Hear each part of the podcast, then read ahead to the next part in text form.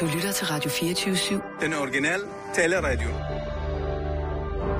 Velkommen til den korte radioavis med Rasmus Bro og Kirsten Birgit Schøtz-Krets Hørsholm. Og derfor siger jeg, mm. lad os kalde det for den lune krig. Den lune krig. Ja, den lune krig, ikke Ja, sandt? ja. Da jeg voksede op, der havde vi jo den kolde krig, ja. Som jo var altså på mange måder karakteriseret af en, altså en ikke voldelig oprustning mm. uh, på tværs af supermagterne, men jo også det her med, at altså for eksempel Sovjetunionen jo støttede uh, USA's uh, kommunistiske modstandere, blandt andet i Sydøstasien, som vi så under Vietnamkrigen, mm. men også at uh, USA jo støttede altså Taliban-krigerne i Afghanistan. På den måde blev den jo, var det jo en krig, men implicit, og derfor en kold krig. Men nu ser vi jo det her i, øh, altså i Syrien i øjeblikket, ja. hvor altså de vestlige nationer er i krig mod islamisk stat, og nu går russerne ind og blander sig, ikke sandt? Mm. Man skyder også oprørende og støtter jo faktisk i den, i den henseende af Assad som præsident, ikke sandt? Ja. Ja. Og det, nu siger jeg, at den er varmet lidt op, den krig, ikke? Den er så ikke varm, det er ikke en varm krig, fordi det er ikke direkte, men det er jo stadigvæk to fronter, som bekriger hinanden på en eller anden måde. Men der og er- se, hvem der kan tæske hvem bedst. Og derfor så siger jeg, mm. kald det for en lunekrig. Og jeg siger, hvis det ikke giver mig modersmålprisen, så ved jeg simpelthen ikke, hvad jeg skal gøre. Men kan man ikke sige, at det er en varm krig for dem, der står midt i den? Nej, jeg vil kalde det for en, altså en stor politisk lunkrig. Måske lunkenkrig, men der kan jeg altså bedre lide den lunekrig. Den lune krig? Ja. Altså, så vi i fremtiden kommer Altså, til jeg at... synes ikke, at mit ord skattepine rigtig er kommet igennem og slået igennem i offentligheden, som mm, jeg håber på. Så jeg tænker muligvis at offentliggøre det her ord på et tidspunkt. Mm. Altså, den, den lunekrig. Ja. Altså, man, man i fremtiden siger... Øh, jamen, da jeg, jeg voksede op Jeg under den voksede jo lune op under den lune krig, ja. Hvor vi egentlig havde det okay, men ja. Der var en masse med andre mennesker i verden, som havde det rigtig skidt. Ja. Hmm. Det kan måske, det kan måske noget. Jeg siger Den, bare... den lyder ikke sådan så uhyggelig, den lyder mere sådan lidt... Øh, Jamen, Ja, det, det er jo ikke, altså det er jo ikke, altså lun er jo i forhold til temperaturen, ikke ved, altså i forhold til sådan en eller anden form for ja, jovialitet. Ja, ja, ja, ja, det kunne det jo også godt være jo, altså. Ja, så er det måske der, hvor man skulle sige den lunkende krig i stedet Den lunkende krig. Ja. Altså, som er sådan et kar, man lige kan tåle og komme ned i, og det er hverken for varmt det. Ja. Måske, ja. Men det er jo altså ret varmt for dem, der, der ligesom står og... og Ja, men det er jo ikke os. Det er og jo dernede. Ja. Der så er det vel relativt... Jeg tænkte på, kan du ikke lige kaste et blik over uh, Twitter-feedet, og så lige sige, hvad der sker til. Altså, de sidder jo alligevel alle sammen ind til den åbningsdebat, der er på Twitter, så du må vel kunne danne dig et eller andet Jo, nu kan jeg da se, at Mette Frederiksen står udenfor. De er lige gået ud. De må holde pause eller noget. Ja, men der er nogle tweets, her. Du, du må have nogle tweets, som du lige kan gå Nogle igennem. tweets, ja. Ikke sandt? Og så, øh, så, så, men kan vi, kan vi, Jeg altså, pingponger når til dig efter den sidste. kan vi gøre det uden pingpong i dag? Ej, lad os nu prøve en gang. Nej, jeg, jeg har talt med Jørgen. Han sagde, at vi behøvede ikke at lave pingpong, hvis det ikke passede. Så skulle vi ikke gøre det. Han sagde da det omvendte til mig. Gjorde han det? Det er direkte modsatte. Mm. Nej, men det... Lad Ja, os nu lave den. Jeg sover lidt på sofaen for tiden, faktisk. Efter den sidste lidt uheldige der med... Jeg har sendt blomster, jeg ved ikke, hvad jeg mere skal gøre. Det ved jeg heller ikke. Nå, men det er mig, der har ordet, så det har du ikke så meget skulle sagt. Jeg pingponger når øh, til dig. Vi går live. Vi øh, kører nu. okay. Vi går live. Og nu, live fra Radio 24 Studio i København. Her er den korte radiovis med Kirsten Birgit Schøtzgrads Hasholm. Lykke giver 6 milliarder år lang garanti. Vi hæver ikke vores veto uden at spørge danskerne ved en ny folkeafstemning. Det vil jeg gerne garantere her i dag, sagde statsministeren efter Folketingets åbning i tirsdags. Og på spørgsmålet om, hvor længe garantien holder, tog Lykke den astronomiske tidsregning i brug. Indtil solen brænder ud, sagde han. Ifølge lektor i astronomi på Københavns Universitet, Lars Hedefode, kan det dække over alt fra 6 milliarder år til cirka en billion år. Det er uvist, om Lars Lykke henviser til solens død, som altså den sol, vi kender, eller øh, til den definitivt er brændt ud. Om cirka 6 milliarder år vil solen, nemlig der er drevet af en brintfis- brintfission, øh, begynde at løbe tør for brændstof, hvilket vil få den til at smulpe op og blive varmere, og solen vil nu blive en rød kæmpe. Dens diameter vil stige helt ud til jordens kredsløb, derfor vil alt liv på jorden ophører med at eksistere, og lykkes garanti om folkeafstemning om tilslutningen til EU's asylpolitik vil derfor de facto være omsonst. Men hvis Lykke henviser til solens faktiske udbrænding, skal vi længere ud i fremtiden, siger astronomen til den korte radioavis og forklarer, at næste trin er, at den røde kæmpe vil eksplodere i en sky af plasma, og tilbage vil være en hvid dværg. En hvid dværg er en stjerne, der ikke længere producerer nogen energi, men stadig gløder, så at sige. Mens uh, nedkøling, men nedkølingen af solens stof til temperatur temperatur, der svarer til det omkringliggende univers, altså en fuldkommen udbrænding, kommer til at tage cirka 994 milliarder år mere. Og så er vi altså op på en billion år, før Folketinget kan tilslutte sig EU's asylpolitik uden en folkeafstemning, afslutter astronomen til den korte radioavis. Venstres EU-ordfører Morten Lykkegaard mener til gengæld ikke, uh, mener til gengæld, at vi nok skal regne med, at garantien kun er gældende, så længe Lars Lykke er formand for regeringen og for Venstre. Først og fremmest tolker jeg det som en garanti til vælgerne om, at Venstre med Lars Lykke som formand aldrig nogensinde vil gå ind i den her diskussion, uden at der kommer en folkeafstemning om det, siger han til politikken. Ja, ja, ja, slap nu af. Jeg sagde det jo bare, fordi jeg så frygtelig gerne vil have, at befolkningen stemmer rigtigt til folkeafstemningen den 3. december, hvilket det ikke ser ud som om de gør lige i øjeblikket. Derfor pointerer jeg bare, at det her ikke handler om asylpolitikken, men derimod om afskaffelsen af paragraf 20 i grundloven, eller jeg mener, det handler om, at vi fortsat skal kunne kigge i Europols computer og stoppe de farlige kriminelle, der bryder ind i folks huse, afslutter statsministeren. Bland dig udenom, kunstner. Det er ofte noget pinligt overfladisk føl pjat, når danske kunstnere og kulturpersoner og blander sig i den politiske debat.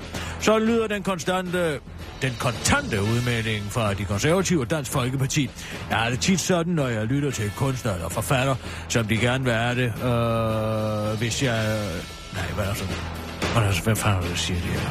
Nå ja, jeg har det tit sådan, når jeg lytter til en kunstner eller en forfatter, som, øh, som de vil have det. Hvis jeg stillede mig op på en rockscene og begyndte at synge, det lyder ikke godt, fordi jeg ikke kan, siger kulturordføreren der fra Dansk Folkeparti, der tidligere har udtrykt sig om at indføre skat på engelsk ord, Alec fra Dansk Folkeparti til politikken. Og han bliver bakket op af manden, der ikke kan forstå, at der stadig findes aber, når vi mennesker skulle nedstamme fra dem, øh, nemlig de konservative kulturordfører og opportunisten Nasser Carter. Han mener, at kunstnere alt for ofte er for dårligt ind i sagerne til at kunne gå ind i en kvalificeret debat. I stedet tager man, citat, det nemme synspunkt, som man udtaler til politikken. Begge politikere er altså enige i, at kunstnere og kulturfolk ofte har for lidt tjek på fakta, når de blander sig i den offentlige debat. Da jeg tog nazisme og islam og satte de to begreber sammen til nazi-islamisme, så var det jo ikke bare noget, jeg hed ud af røven. Begge dele eksisterer jo, altså bare hver for sig, udtaler Nasser Carter til den korte radioavis.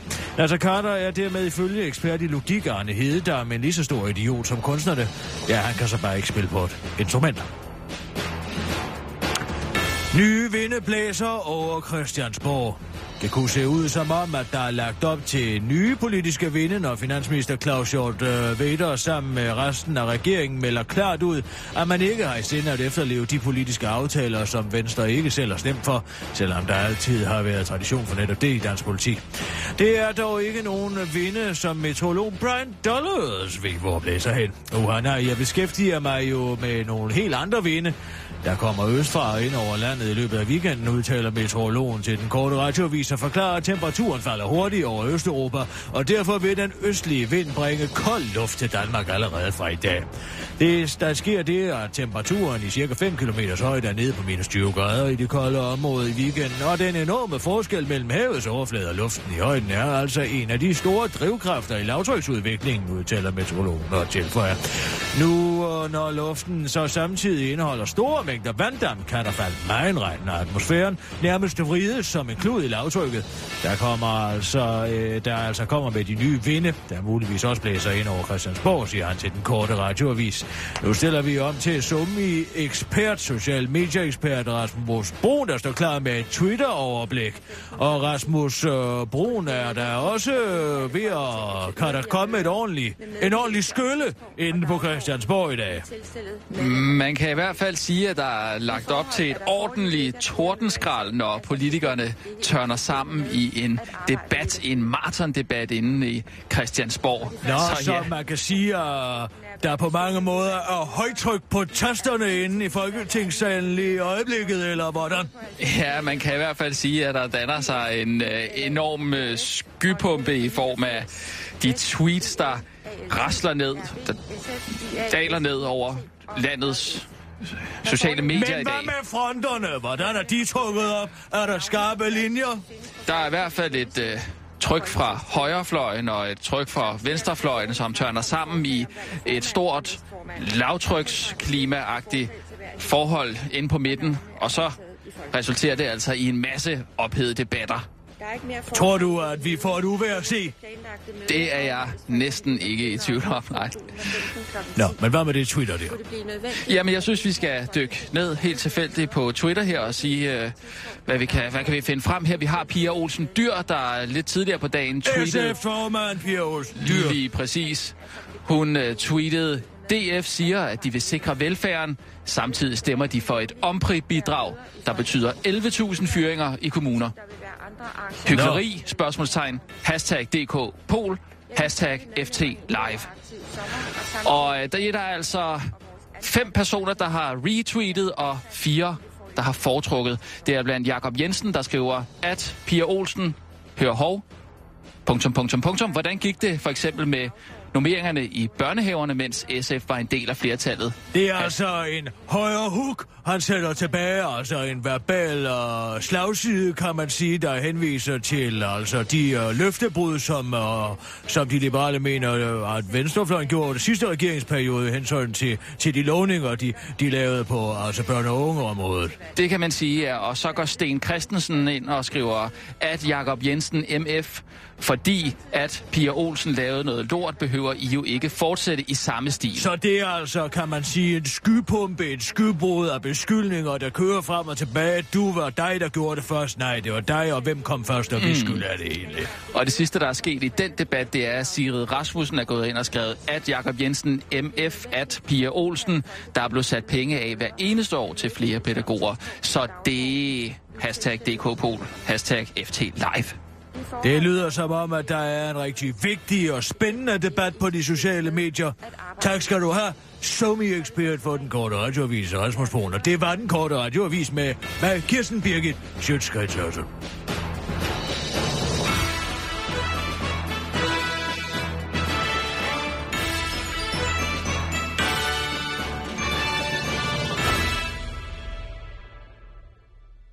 Det gik da meget godt, gjorde det ikke? Jeg synes, at det var uovertruffent. Faktisk. Der var der god penge på. Og den måde, at du får spidet de ligegyldigheder og beskyldninger, der fyrer frem og tilbage inde på Twitter og sikkert også ind i Folketingssalen, den fnider, som alle er så trætte af, det er jeg meget tilfreds med. Hvad tænker du på der? Ja, det der, og det gjorde I jo først, og det var I jo også. I gjorde jo også det engang. Hvad med at forholde sig til, hvad der sker nu? Ja, men jo, men det er da også en meget god måde, at man lige kan, kan jo, følge men med altså, noget. hvis man bliver beskyldt for et eller andet, så må man jo svare på de beskyldninger, i stedet for at lave et, et, et, et, an, et angreb på noget andet. Det er jo det, der hedder polemik. Jo, jo, men det er jo Twitter, det her, ikke? Altså, det er jo sådan ligesom... Ja, altså, kan vi nu ikke bare få minimum et brugbart organ? Og jeg er faktisk ved så glad for Twitter, fordi jeg synes, at der, der, bliver, der bliver lavet sådan nogle fine og savlige diskussioner derinde, i modsætning til på Facebook. Mm. Ja, du er ikke meget for Facebook? Nej. Nej. Ja, ja, ja. Mm. Det er kvævlandet, der er derinde. Ah, det er en god dag i dag. Det er da dejligt, Kirsten. Ja, det er en god dag i dag. Min Man kan bil godt er- høre, at du ikke sover på sofaen, min- så... Nej, det gør jeg. Jeg sover i min seng. Ja, ja. Jeg har en ja. hestens. Nå, og- er det rigtigt? Ja. Det koster da 100.000, sådan en gør den, ikke? Nej, fordi det var en, der faldt af en lastbil. Faldt af en lastbil? Ja. I overført betydning, eller hvad? Ja, det går jeg da ud fra. Den har ikke nogen skrammer. Så jeg tror, det er i overført betydning, ja. Hvad mener du? Har du... Er det noget Jeg sort, bare eller? sige, at jeg sover godt i den, fordi den er dejlig varm. Men sover du med ren samvittighed? Jeg sover som en babys, Aha. men den er god varm. Lad mig sige det på den måde. Jeg er ikke helt sikker på, at jeg er med på, hvad du snakker om her. Sover du i en rigtig hestens seng? Jeg sover i en hesteseng, som er dejlig lun og varm. Den er faldet af en lastbil engang. Den er varm og dejlig. Mm, hvordan? Hvordan skal det forstå? Ja, altså, men- sengen er varm, Rasmus. Den er ikke sort, men den er varm. Du har, har du stjålet den? Nej, jeg har da ikke. Du har købt den, en, der har stjålet den? Ja. Ja, ja. Hvad? Hvordan det? Det er Suzuki, Tom. Suzuki, Torben? Ja.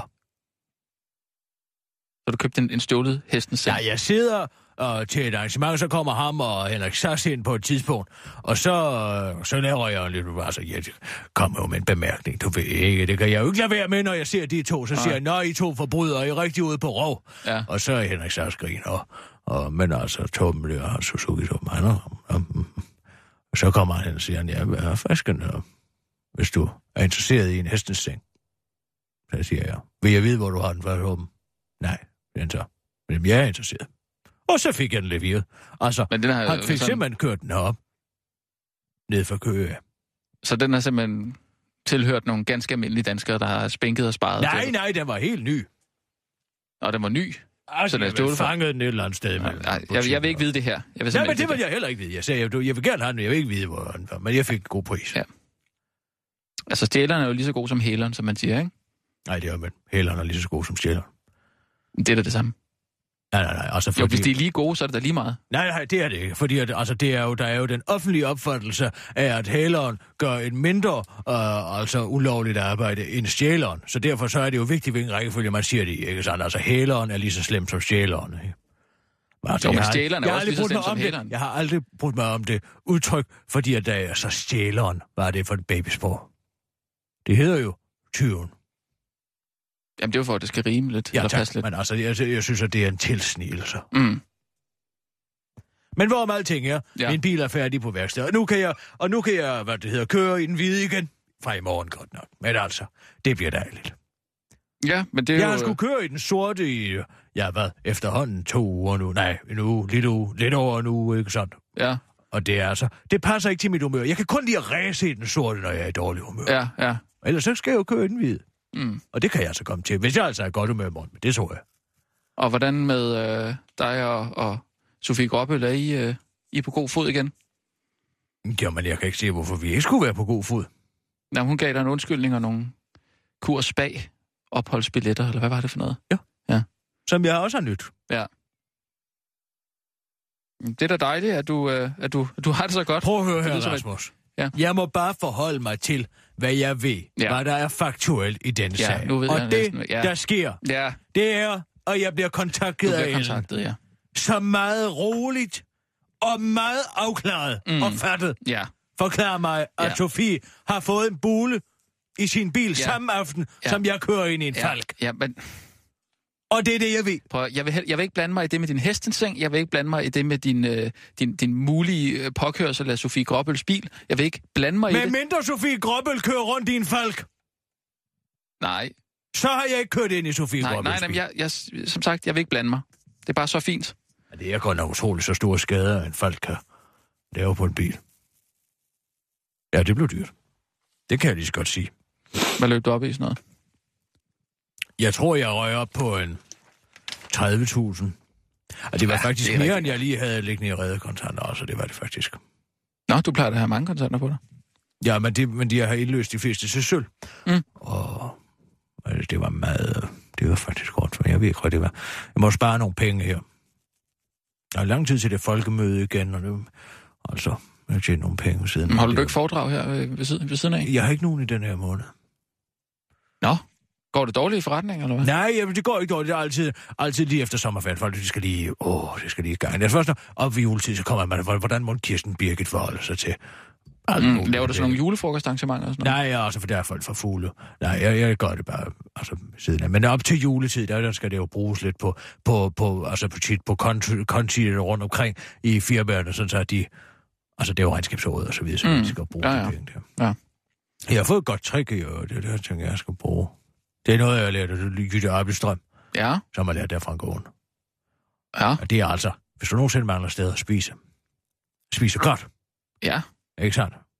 Så skal du købe en aktie. Køb en aktie. Ja, altså købe en aktie. Det bliver man vel ikke med af. Nej, du skal ikke spise aktien. Nej, men... Det Fordi for at lige her nu, i efterårssæsonen, Ja.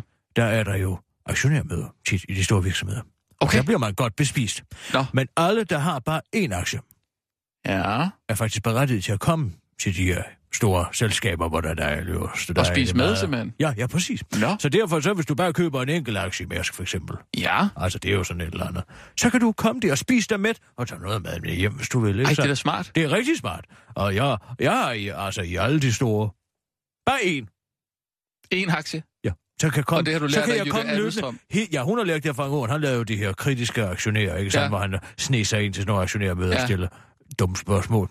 Ej, og, hvor- hvor- hvordan, øh, hvordan er det, øh, altså, når Jytte Appelstrøm kommer ind til aktionærmøde hos, hos hun Mærsk? gør- er der ikke hun- mærkelig stemning ja, så? hun gør ikke noget væsen ud, så altså, hun er det bare for at spise. gør Jytte Appelstrøm ikke noget væsen af sig. Ja, det gør altså. Det kan godt være, hun står i hjørnet og taler med nemmetaler, men ellers så gør hun jo ikke noget stort væsen ud af sig. Mm. Ja, det, det er et smart trick, det må jeg sige. Det er smart. Det er da godt for studerende i hvert fald, hvis man lige mangler et sted at spise. Det er jo et glimrende trick. Ja. Men altså, det er kun i efterårssæsonen. Ja, Så okay. resten af året Nå, okay. Nå ja, så. Skal vi øh, ja, gøre lad det? os, øh, lad os gøre det. Klar, parat, skarp. Jeg stiller over til dig Og med nu. noget pingpong. Live fra Radio bare pas på, 24 Studio i København. Her er den korte radiovis med Kirsten Birgit Schøtzgrads Hasholm. Du skal følge... Nej. Du skal ikke følge dit hjerte alligevel. Måske har du igennem din barndom ofte fået at vide, at du skal følge dit hjerte, når du skal vælge uddannelse og senere hen i livet et job. Men det er råd at vise at være direkte misvisende. Derfor søger en ledig eskimolog, eskimolog erstatning for at have fået stukket blå i øjnene igennem det meste af sin skolegang. Det var ligesom det første, vi fik at vide, ikke? Bare følge jeres hjerter, og så kan alt det andet være ligegyldigt, ikke udtaler Camilla Dunholm til den korte radioavis. Hun har altid haft en forkærlighed for det grønske fanger, grønlandske fangers... Nej, hun har altid haft en forkærlighed for det grønlandske fangersamfund, men nu er hun desværre arbejdsløs, ligesom 120.000 andre, der ikke er i sinde at tage et af de mange kedelige jobs, som rent faktisk eksisterer for tiden. Beskæftigelsen stiger så meget, at der rent faktisk er arbejde til dem, der ønsker et job, og når der stadig er 120.000 ledige eller i aktivering, er en af forklaringerne, at de ledige enten ikke vil arbejde, eller at de kommunale jobcenter ikke stiller tilstrækkelige krav til dem, sådan siger Peter Laversen, administrerende direktør i det private AMU-center DEKRA, som er Danmarks største udbyder af chaufføruddannelser til danske vognmænd, busselskaber, taxaer og handicapkørsel i dag til Berlinske. Men den forklaring giver Camilla Dunholm ikke meget for. Vi er en hel generation, der er blevet opflasket med, at vi er helt unikke og særlige væsener, der bare skal gøre, som vi vil. Men nu, når virkeligheden viser sig at være en anden, så synes jeg altid ikke, at ligge at pilen peger på os, men derimod vores forældres generation, når det kommer til at placere et ansvar, udtaler den ledige eskimolog, eskimonolog, eskimolog, der aldrig kunne drømme om at tage et kedeligt job, fordi hun ligesom hele hendes generation har fået stillet falske forhåbninger i sigte. Den korte radiovis har forgæves forsøgt at få fat i Camilla Dunholm forældre, men de er begge bortrejst på golfferie, hvor de desperat forsøger at brænde resten af deres formue af, inden de dør. Modtager af Nobels fredspris undskylder bumsning af en anden modtager af Nobels fredspris. Ups, øh, Daisy. Det var en svipser, sådan siger den eneste, den eneste modtager af Nobels fredspris, der har startet fem krige, Barack Obama, efter at et amerikansk bombefly kom til at bombe et hospital i det nordlige Afghanistan, hvor 22 civile blev dræbt her blandt 12 udsendte fra Læger Uden Grænser og Afghanistans præsident Ashraf Ghani. Dermed er det første gang, at en modtager af Nobels fredspris bomber en anden. Læger Uden Grænser modtog nemlig Nobels fredspris i 1999. Obama beklager virkelig bumpningen og har nu beordret en tilbundsgående undersøgelse af, hvordan det dog kunne ske. Rundstyk. Rundstyk, det var ikke med vanilje, siger den krigeriske kenyaner til den korte radioavis.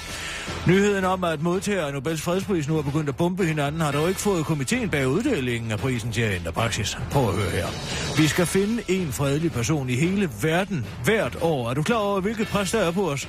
Vi har givet den til Yasser Arafat, Henry Kissinger og EU for helvede, så fat det dog, siger en repræsentant, repræsentant for Nobelkomiteen. Pas på parasittenbud. Kan være far på færre, hvis du skal ud og lufte Puffy i de næste måneder. Og det er, som overskriften på denne nyhed måske antyder, desværre ikke kun pudler, der skal passe på. Dyreklinikker landet over har efterhånden gjort det til en rutine at teste hosende hunden for sygdommen fransk hjerteorm. Men det er ikke alle ejere, der er opmærksomme på symptomerne, og derfor får deres hund testet for sygdommen, der i værste fald kan tage livet af din bedste ven. Fransk hjerteorm er en parasit, som sætter sig på hundens hjerte og i de store blodkar, der går fra hjertet til lungerne. Den slager vandrer igennem hundens krop og gør den alvorlig syg. I nogle tilfælde dødeligt, hvis hunden ikke behandles, lyder det i en pressemeddelelse fra, så fra Bayer AS, der er en biotech-virksomhed, der har kortlagt sygdommen i Danmark, og som sikkert har, god, har en god kur mod parasitten. Hunde i alle aldre kan få parasitten, men især unge hunde, der bor i øh, et højrisikoområde, eller hunde, der løber meget frit, f.eks. jagt sporhunde, kan rammes. Det sker ofte, fordi de slikker, snuser eller spiser snegle på deres tur omkring. Symptomerne er hoste, lavere kondition end ellers, træthed, pusten, mistrivsel, røde pletter i øjnene og på tandkød eller generelt forandret adfærd. Diagnosen skal stilles af en dyrlæge, der kan tage en simpel prøve af hundens afføring. Så næste gang du lufter hunden, skal du måske sørge for, at Wuffy ikke stikker snuden et sted hen, hvor den ikke hører til. Det var den korte radioavis med Kirsten Birke Sjøtskrets Hørsholm. Nu stiller vi om til vores somi-ekspert her i den korte radioavis. Hvad med dig, Rasmus? Har du nogensinde haft sådan en orm? På den anmeldte sag vil fremgå af folketingstidene.dk. Jeg har i hvert fald haft en datter, der har haft øh, børneorm, og øh, det, ja, det var lidt en... Øh, Puh. men altså ved hjælp af lidt, lidt, lidt god øh, medicin, så er man hurtigt ud over det. Puh, det lyder ulækkert. Ja. Jeg selv har, har kun haft lidt øh, ringorm, så vi jo ikke rigtig har noget med orm sådan per se at gøre, men mere er et, et form for udslet. Det har så bivirket af, at jeg faktisk ikke rigtig kan få hår et bestemt sted på siden af hovedet. Hvad siger du? De valgte kan findes på Folketingets Ja. hjemmeside Ja, du får se. Nej, det var da voldsomt. Nej, det er ikke voldsomt. Jeg Nej, men, faktisk øh, selv øh, en øh, plet i nakken, hvor jeg ikke kan få hår, fordi jeg øh, blev, en vinter blev ramt af en skøjte. Det lyder smertefuldt.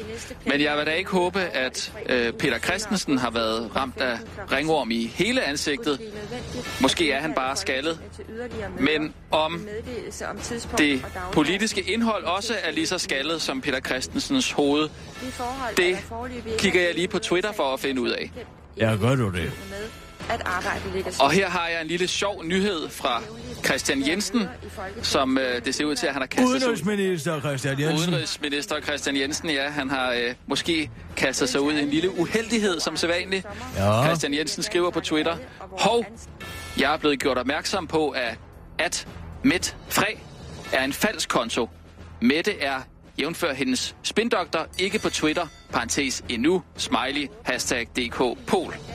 Så øh, man kan simpelthen sige, at øh, Christian Jensen er kommet til at kontakte den forkerte Mette Frederiksen på øh, altså Twitter. Noget kunne tyde på det, ja.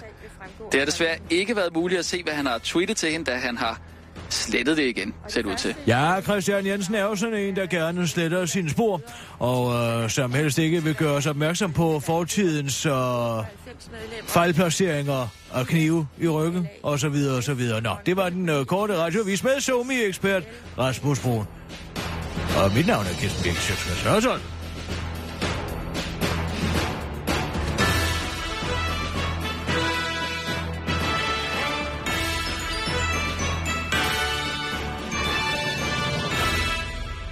Det var da utroligt, som Det det var kører. da en besynderlig plet, Hvad for noget? du har i dit hoved, Rasmus. Ja, Prøv lige er- gang at vende siden til Ja. igen. Her. Det har jeg aldrig lagt mærke til. Men du er der helt, hvad det brummer. Den brummelyd. Ja, hvad er det for noget? Er der nogle håndværkere et sted? Nå, der. Nå, så stopper det. Nej, ja, det er noget ringorm, jeg har haft her. Da Nå. jeg var øh, teenageårene, så, øh, så kom der lige sådan noget der. Men det er jo ikke rigtig orm, det var bare noget udslæt. Men det var ved- altså i din formative år. Ja, og det har Så... altså... Altså, hvor din seksualitet udviklede sig. Ja, det har den vel gjort. Hvordan havde du det med det? Det havde jeg da ikke godt med. Jeg, jeg, jeg synes, at det var forfærdeligt ikke at have hår der, øh, da jeg var da jeg var teenager. Men nu synes jeg ligesom... Så fik du vel til gengæld hår et andet sted. Ja, ja. Men der havde jeg ikke noget. Der havde jeg heldigvis ikke ringorm. Men det var godt, jeg ikke havde ringorm sådan midt i panden, eller, altså, eller, eller det ikke, jeg vil men lidt længere oppe. Eller, Altså, jeg har jo altid synes, at en mand skal enten have et fyldigt sæt hår på hovedet, mm. eller også skal han være skaldet. Jeg gider ikke det der midt imellem det der, altså Dennis Ritter galej der, hvor man kan stå og se hele domen i modlys, altså. Men det er jo hans pande. Det var hans Nej, nej, pande nej, der. det er det ikke. Nej, Jo, det er hans pande, Du der kan er- se, hvis han står, altså, med solen i ryggen, så kan du se, altså, det ligner The Millennium Dome. I, Ja. Altså i England, med altså spindelvæv ovenpå. Mm. Ja. Øh, Jeg skal, jeg skal øvrigt spørge dig sådan noget. Så Ja. du deadline i går? Ja, ja, det gjorde jeg jo. Der var altså en besønderlig Jeg afslutning ikke der. at se- Nej, så er det ikke færdig. Så er det ikke færdig? Nej. Prøv at høre her. Prøv lige at gå over på DR.dk. hvad, hvad tror du, det var en besked, eller hvad? Det er jeg ret sikker på. Fordi det var simpelthen, altså det er helt... Hvem var Ja, det i går? Jamen, Det det, var var, det var Krasnik i går. Det var Krasnik, ja. Og han lavede en meget mærkelig øh, afslutning, øh, afslutning som jeg tænker, det, det må altså være noget, noget kodesprog. Så hemmelig kodesprog. Ja, det er jeg ret sikker på. Inden vi slutter, kan vi lige hjælpe de amerikanske myndigheder, der er i gang med at at, hjælpe? få afklaret et vigtigt Hjælpe de spørgsmål, som mange har amerikanske? stillet før dem, nemlig... Ja, Torben hvorfor kører Steno, her er din punkt. egentlig rundt i Ej, Toyota'er. hvad nu? Læg mærke til de hvide pick-ups Torben har glemt sit punkt er Han er blevet berøvet af nogle af de liberale. Hør nu efter. Ja, ja, to. Farvel, Torben. Hvad siger du? Inden vi slutter, kan vi lige hjælpe de amerikanske... Hjælpe de myndigheder, der er i amerikanske? gang med Altså, at vi få afklaret et vigtigt spørgsmål, som mange har stillet før dem, nemlig Hvorfor kører islamisk statsterrorister egentlig rundt i Toyota'er? Mm. Læg mærke til de hvide pickups her på billederne. Det er faktisk denne model, ofte Toyota-modellen Toyota Hilux, som de heldige Hilux. krigere bliver fragtet rundt i.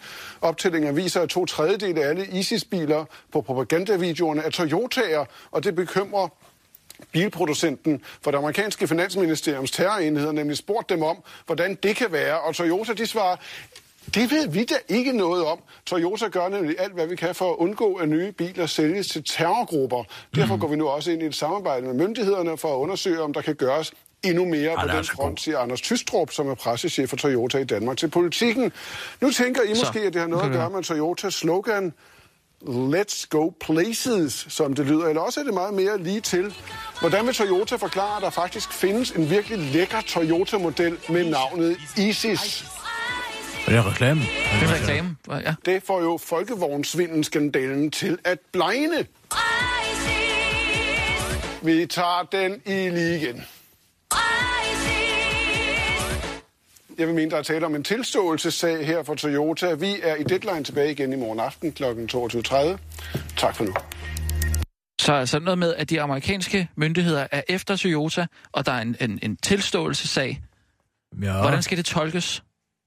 Hvad mener du? Ja, hvad er det, han melder ud her? Melder ud? Ja, ja til jer i øh, EU-skeptikergruppen der. Nej, nej, nej, nej, nej. Det her, det er ikke... Nej, nej, nej, det misforstår du. Det er ikke skjult, det er ikke skjult signal. Nej, nej, nej. Det er bare et dårligt forsøg på at være morsom. Er du sikker? Ja, det er jeg. Ja, ja, tak, det er jeg sikker på. Nej, nej, nej. De prøver altid at være sjove inde på, altså på deadline. Det er helt sikkert, det, det er. Jo, jo, det er det. Skandalen til at Ja. blegne. Hvis man spiller det bagfra, måske? Nej, nej, nej. Det er bare Krasnik, der prøver at være sjov. Og det er han ikke. Nå, altså, ja. Og det er jo faktisk meget, altså atypisk for en Ashkenazi-jøde som ham ikke, at være morsom. Altså, ja. hvad? Siger du, han... han er, altså, han er, og Krasnik er jo Ashkenazi-jøde. Ja, Og de plejer at være hyldende morsomme. er det ikke meget generaliserende? Nej, nej, nej, altså prøv at høre her. Man har jo altid vidst, altså Ashkenazi-jøder, som jo er altså et kulturelt fællesskab af primært europæiske og østeuropæiske jøder, som mm. tæller jo altså mange prominente, altså hvor jøder, Rothschild for eksempel, altså familien, den store, uh, den store, uh, altså en af, en af mm. hvad det hedder, Europas, faktisk Europas rigeste mand, mm. tilbage i 1850'erne, altså Rothschild. Han var, han var Ashkenazi-jøde, Albert Einstein var Ashkenazi-jøde. Var de sjove, eller hvad? Ja, de var nemlig morsomme mennesker. Ja. Altså, Einstein, Sigmund Freud var også Ashkenazi-jøde. Ja. Stanley Kubrick var også Ashkenazi-jøde. Nå, ej, okay, Og, ja, det- Felix Mendelssohn, som du måske kender, var også, altså var også det, det? Ashkenazi-jøde. Og det var komponisten der Felix, men oh, Felix kommunisten. Mendelssohn Bartholdi. Mm-hmm. Men altså, øh, de, de plejer jo at være hyldende morsomme, Mhm. mm-hmm. faktisk. Mm-hmm. Og jeg har mødt mange af dem. Og jeg må sige, de er altså, nogle af dem kan simpelthen få mig til at leve. Ved du hvem? Victor Der- Borge. Nej, nu tænker jeg mere på Arne Melchior. Han er Arne altså morsom. Ham med, med den der Ja, altså bølge, med fætter, fætter Godfor, der, Ja, som jeg ja. kalder ham. Nå, okay, ja. Ja. Men altså, ja, han har en rigtig bølgehår. Mm. Og han er, han er altså morsom. Men ikke frivillig morsom, altså ufrivillig morsom. Nå, okay. Øhm, men de har jo også en... Øh, altså, Ashkenaz-jøderne har jo faktisk også den højeste IQ.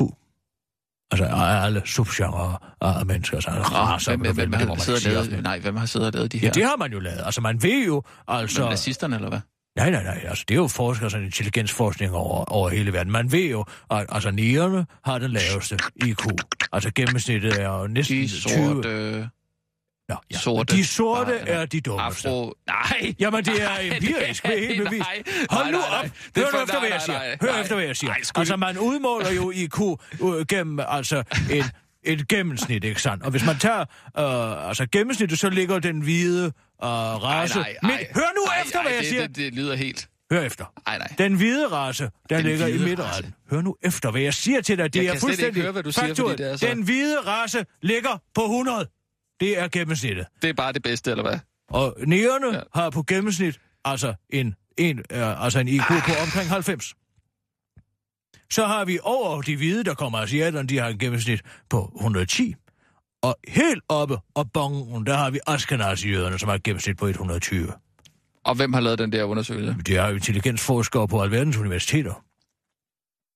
Altså, så kan man gå ind bagefter og sige, har vi nogle kulturelle indædte, altså øh, hjørnemetoder, sådan så at man kan sige, at den hvide man er bedre til at, øh, at, at udregne for eksempel øh, matematisk logisk sans, det er IQ jo, og det kan være, at de sorte måske er bedre til at, at, at danse i ringen Nej, og nej, tælle. nej. Men altså, øh, Ashkenazi-jøderne ved man jo for eksempel er rigtig gode til at tælle, ikke sandt? Så mange Okay, men de kan ikke danse, eller økonomer. hvad? De, de kan så ikke danse? Nej, det kan de ikke. Men de kan være morsomme, og de er morsomme, og man skal jo have humor, hvis man som altså folkefærd er blevet øh, øh, forfulgt i 5.000 år, ikke sandt? Skal mm. man jo have en vis sjældent humor. Aha. Men altså, ja, Arne Melcher, hyldende morsom. Der ligger jo, altså det hvis du nogensinde kommer ud i Danmarks Radio, Ja. så skal du altså gøre dig selv den tjeneste og gå ned i, de har jo øh, et mediearkiv derude. ikke Ja, det er jo ikke... Man, det er jo på computer, man Ja, kan ja, bare ja, søge. men kan- ja, men det kan du ikke. Altså, offentligheden kan du ikke søge. Det er jo ikke bonanza, det her. vel? Nej, nej, nej, nej. Det er jo alt det, og der er altså en, gru, en mappe nede i den. Nede i den dybeste kælder. Ja. I det, og der og inde på en server, ja. der er en mappe, som hedder Må ikke udsendes. Og det er et slaraffenland af kagemand, det kan jeg godt fortælle dig, til altså de sidste 40 års udsendelser, med alt, hvad der ikke må udsendes. Og den, jeg fik en eftermiddag i den, og jeg kan sige det, Okay, nå. det var morsomt. Der er blandt Men skal man ikke have særlig adgang til den? jo, men jeg fik en, der lukkede mig ind, og jeg fik lov til lige at sidde her. Og jeg, jeg græd og grin. Nå, Altså, jeg græd og grin. Der er blandt andet et klip, altså som er, jeg vil tro, det er en 15 år. Fem, måske er det 15-20 år på banen. Ja. Og det er altså et telefoninterview, og som er blevet lavet til B1 en gang ja. med Arne Melcher, netop Arne Melcher. Ja. Og det er altså der, hvor en af de klemmer, han har gad været allermest morsom. Fordi han er ikke opmærksom på, at man tydeligt kan høre, at han er på toilettet, mens han bliver interviewet. Nå, han har taget telefonen med på... Han har taget telefonen med, Mm. og man kan høre, lad os bare sige, både det ene og det andet. Nå, Mens han sidder og bliver interviewet, jeg mener, at det er en eller anden europæisk økonomisk reform, han taler om. Og det er... Jamen, det er det sjoveste, Ej, jeg vil jeg nogensinde har været høre. vidne til rent auditivt. Nå, ej, det vil jeg gerne høre. Ja, du kommer aldrig til at høre det. For du skal kende en, der kender nogen, som kan lukke dig ind og spille dig det klip. Nå. Det lyder lidt spændende, faktisk. Jamen, det er godt. Det kan jeg love dig for. Nå. Tik-tak, klokken slår. Ja, det gør den altså. Lad os køre videre. Er du øh, klar? Du er i vældig humør i dag. Det er dejligt, du er så altså godt derinde, ikke? Og man Ja. ja. kan høre det runger. Altså, du kan høre, at han rent akustisk set befinder sig et sted med mange klinker i. Mm. Alene af den grund skal man jo ikke tage telefonen med ud på bare, så man kan jo tydeligt høre det. Ja. Og så er det jo, altså både, altså, plask, plask Ja, og, nummer et og to, og det hele, ikke? Ja, ja. Så der hører man altså lige Anna Melcher ved på toilettet. ja, det er godt, det ligger dernede i arkivet, så. Nå, Kirsten. Ja, jeg er klar. Klar, parat, skarp. Og nu, live fra Radio 24 Studio i København. Her er den korte radiovis med Kirsten Birgit Schøtzgrads Hasholm. skide sjovt, at ISIS kører i Toyota. Efter det er kommet frem, at terrororganisationen Islamisk Stats foretrukne køretøjer Toyota-modellerne Land Cruiser og Hilux, har de amerikanske myndigheder stillet en skarp kritik af bilfabrikanten. I forskellige propagandavideoer fra terrorgruppen, hvor de stolte islamisk statmedlemmer øh, kører de og stolte islamisk statmedlemmer nemlig lange konvojer af forskellige Toyota-modeller. Bilerne er ofte udstyret med store maskingeværer og prydet med store, flotte sorte ISIS-flag, og hvilket øh, mange finder rigtig sjovt. Og selvom det er lidt pudsigt og også mægtig morsomt, at Toyota til med har en bilmodel med navnet ISIS, så har de amerikanske myndigheder altså nu kontaktet Toyota for at, svar, for at få et svar på, hvordan det kan være, at islamisk stat er lykkes med at opbygge en helt flåde af selskabets biler. Toyota har dog ikke nogen anden forklaring, end at islamisk stat formentlig bare har fået et godt tilbud igennem en mellemmand og måske fået en del mængde rabat. Og den udmelding har nu fået flere ansatte i de danske kommuner til at reagere. Hvad fanden er nu det for noget? Kan man så bare lave en indkøbsordning og få et godt tilbud, eller hvad er det for noget, udtaler en ansat i Københavns Kommune og tilføjer, hvis det også kommer frem, at man kan indhente flere tilbud og ligefrem vælge det bedste og det billigste, så er det altså ikke noget, vi har fået noget at vide om her, siger en øh, offentlig ansat i køen øh, til, i Ilva, mens hun er i gang med at købe designermøbler til en kommunalt drevet vuggestue med kommunens standkort. Kunstnere indgår aftale med politikere. Efter at de konservative og Dansk Folkeparti har været ude og kritisere kunstnernes deltagelse i den offentlige politiske debat, fordi de dybest set ikke aner, hvad de snakker om, når det kommer til politik, har sammenslutningen af danske kunstnere nu stillet et skarpt krav til politikerne.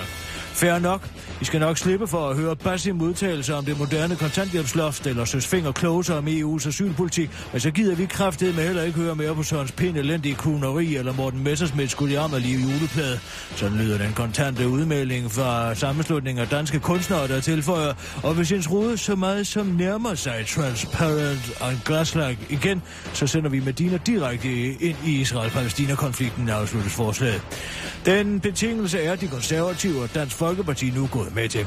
Dansk Folkepartis kulturordfører Alex Hansen har på vegne af de to anklagerpartier accepteret debathvilen. Det er en fin aftale. Vi holder os til politik, og de holder sig til musik. Jeg har faktisk en lignende aftale med kaninerne om den mad, jeg spiser, griner Alex Hansen til den korte radioavis. Amen Jensen har nu bedt politikerne om at holde sig langt væk fra vandede vidigheder. Det er min metier. Lad mig om den, siger han til den korte radioavis. John Snow genopstår, men winter is coming. Mange har måske undret sig over, hvordan i alverden en menneskerettighedsbananrepublik som Saudi-Arabien har kunne få et mandat i FN's menneskerettighedsråd, når de hjemme og væk hugger hovederne af blokker og pisker anderledes tænkende i et værk, og nu også planlægger korsfeste en 17-årig dreng, der blev arresteret som 14-årig. Men nu løfter den britiske premierminister sløret for, hvorfor det er sket i et interview. Et interview med den britiske journalist John Snow, der ikke er den John Snow, der blev myrdet ved Castle Black i sæsonfinalen af sæson 5 af den populære serie Game of Thrones, men derimod en journalist på Channel 4 News. Bliver premierminister nemlig spurgt om, hvordan det må kan være, at England indgik en aftale med oliestaten om støtte til et saudisk kandidatur mod gensidig støtte til et engelsk. Først var Cameron udenom på svaret, øh, med svaret.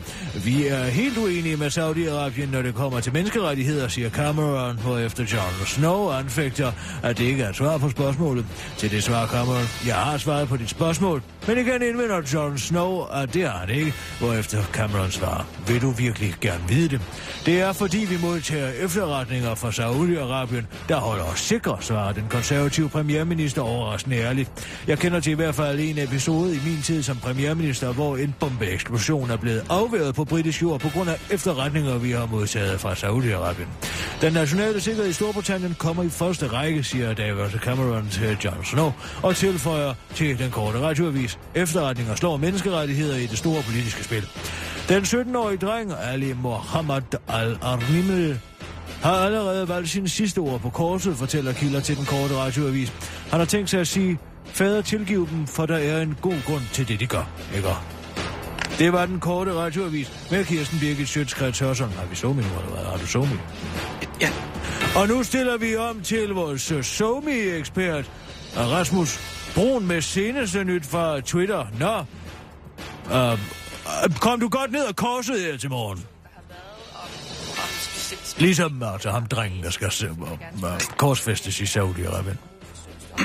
Specifikt omkring... Man kan i hvert fald sige, at en af de og andre ting. Og der synes jeg, det er rigtig flot, den er svær at komme ned på, det er at en stor detailhandel som Coop for eksempel selv tager et initiativ på det her område. Men det der Man kan i hvert fald sige, at en, der virkelig er øh, en af, af Mette Frederiksens disciple, Sådan! Jens Jol fra hendes eget parti, Socialdemokratiet.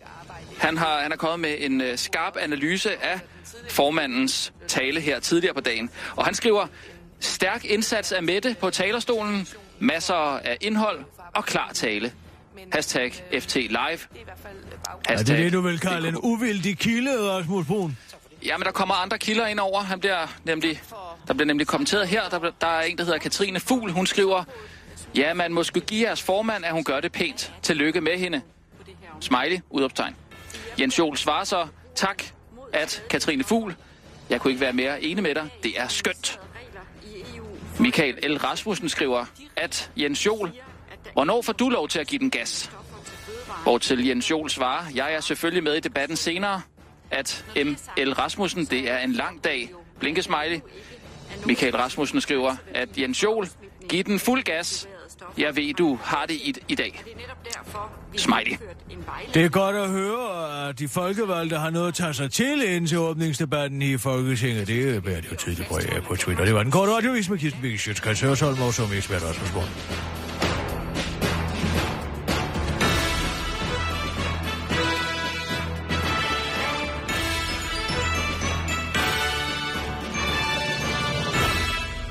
Den var altså lidt svær, den der med korset, synes jeg.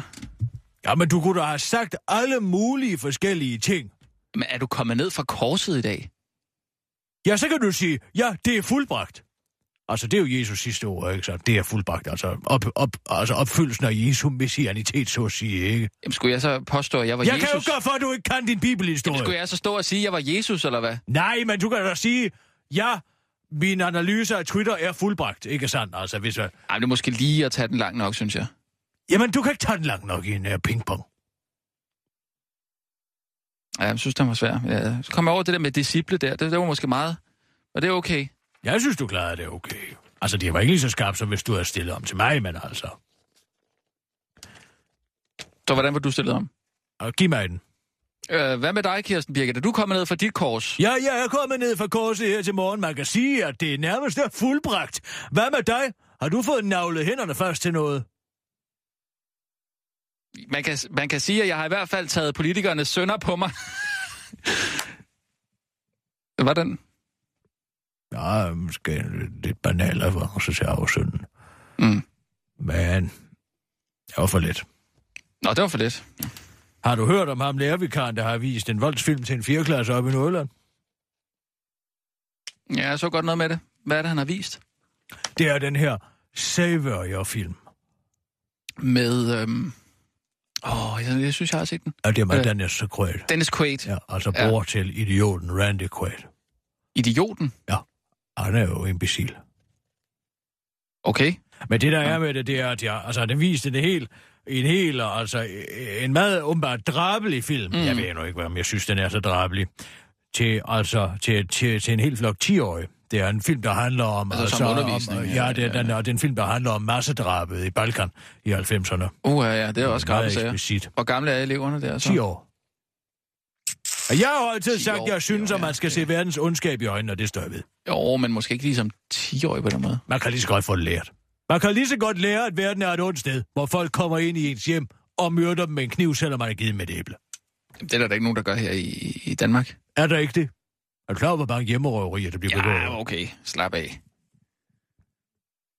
Men hvad skulle de lære? Altså, De skulle jo lære, at der, altså, Balkan er jo altså, en konflikt mellem kristne og, og muslimer på mange måder. oh, det er da Og også fint, og man kunne man ikke lige vente til man blev 15 i hvert fald. Jo, det Eller, var altså hvor gammel det, skal man være for at se filmen? 15 år gammel. Ja, det var Altså, 15, Det er en vidunderlig scene, hvor altså øh, man, man er vidne til altså de absurditeterne i det her massedrab, øh, hvor altså man ser en hel flok øh, muslimske mænd og kvinder på knæ, grædende. Og så er der altså simpelthen en, en, en bødel, som tager en lægtehammer, og en efter en. Ej. Den slags der, ikke? Er det i filmen? Ja, det er filmen. Men har du, har du slet ikke set den? Ja, jeg synes, jeg, jeg kan ikke lige huske den. Den virker er bekendt, fået- synes jeg. Jamen, du se her, for eksempel det her, ja? Nu tager han kniven frem, det, ja? Okay. Og hvad med det, han... Øh... Men, altså, Oh! Det er en gammel kone, han slår som nogen døende. Skal han hendes finger af? Ja. For at tage hendes ring? For at tage ringen. She's just an old Muslim bitch. Let her bleed to death. De har åbenbart samme fingerstørrelse. Nu tager han fingeren på og fingerringen på. Der er nogle fede fingre.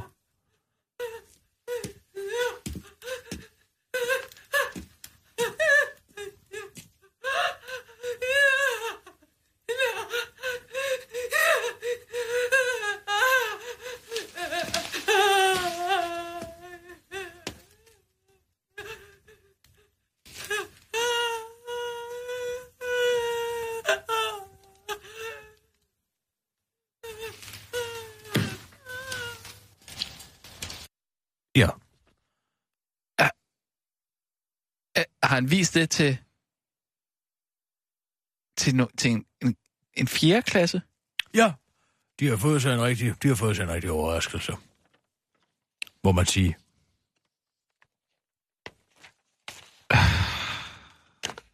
Altså, lad nu være. Prøv at høre, jeg havde min datter med ind Du og se... er simpelthen så blødsød. Nej, ved du hvad, jeg havde min datter med ind og se øh, øh, Inside Out på dansk. Og der var altså en skide uhyggelig forfilm med sådan en øh, vulkan, som synger. Den, synger meget... Altså, hvad er det, du snakker om? Øh, Inside Out, inderst inde på dansk. Øh, Den der, øh, hvor man følger sådan nogle figurer, som øh, lever inde i hovedet på en, på en øh, pige. Nå, den!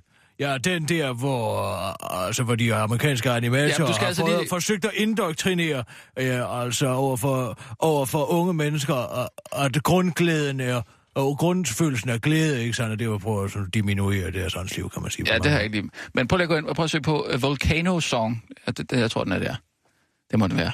Den er altså ret uhyggelig for en, uh, en treårig pige, skal jeg altså sige.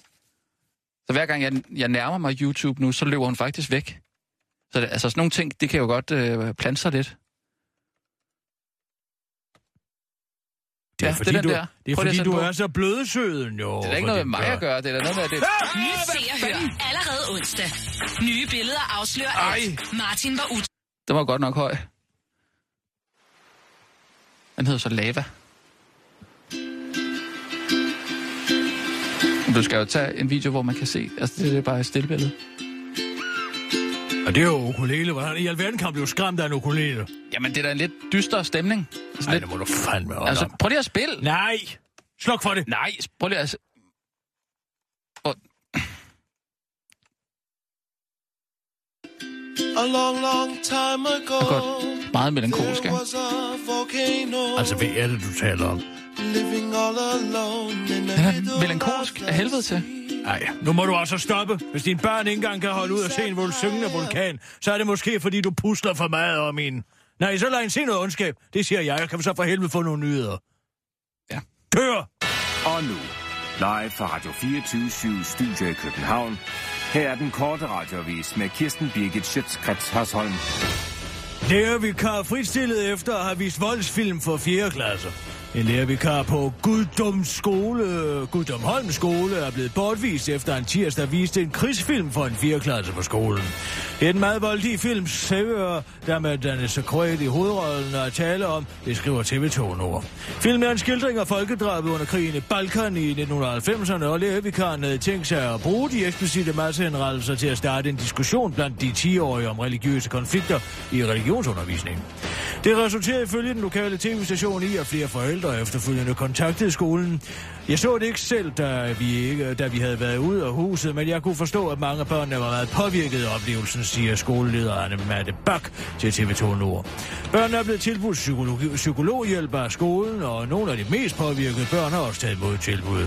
Men nu gælder det om at komme tilbage til dagligdagen siger skolelederen. Nu skal vi lige have rystet den her oplevelse af børnene. Så skal de, øh, de skal tilbage til den daglige rutine i religionsundervisning, og de skal lære om afsønden igennem demoniseringen af kvindekønnet. Gud, der for sjov beder Abraham slå sin egen søn ihjel. Moralen om, at det er okay at slå folk ihjel, hvis bare de tilbyder Baal, og selvfølgelig et af en mand til et trækors for vores allesammens skyld. I ved, gode kristne næstekærlige værdier, afslutter skolelederen til den korte radioavis. Hun sendt på pension! Ved Stormgade i Næksø onsdag den 7. oktober kl. 10 blev en hund indfanget i det, den løb rundt i området. Falk hentede hunden, og den blev kørt til Hovlebjerg Hundepension i Hasle oplevelser Bornholms politi, det skriver Bornholms Tidene. Det var altså bare tale om en hundepension, ikke en arbejdshund, der nyder et velfortjent otium. Det var den korte radioavis med Kirsten Birgit Schøtz. Kreds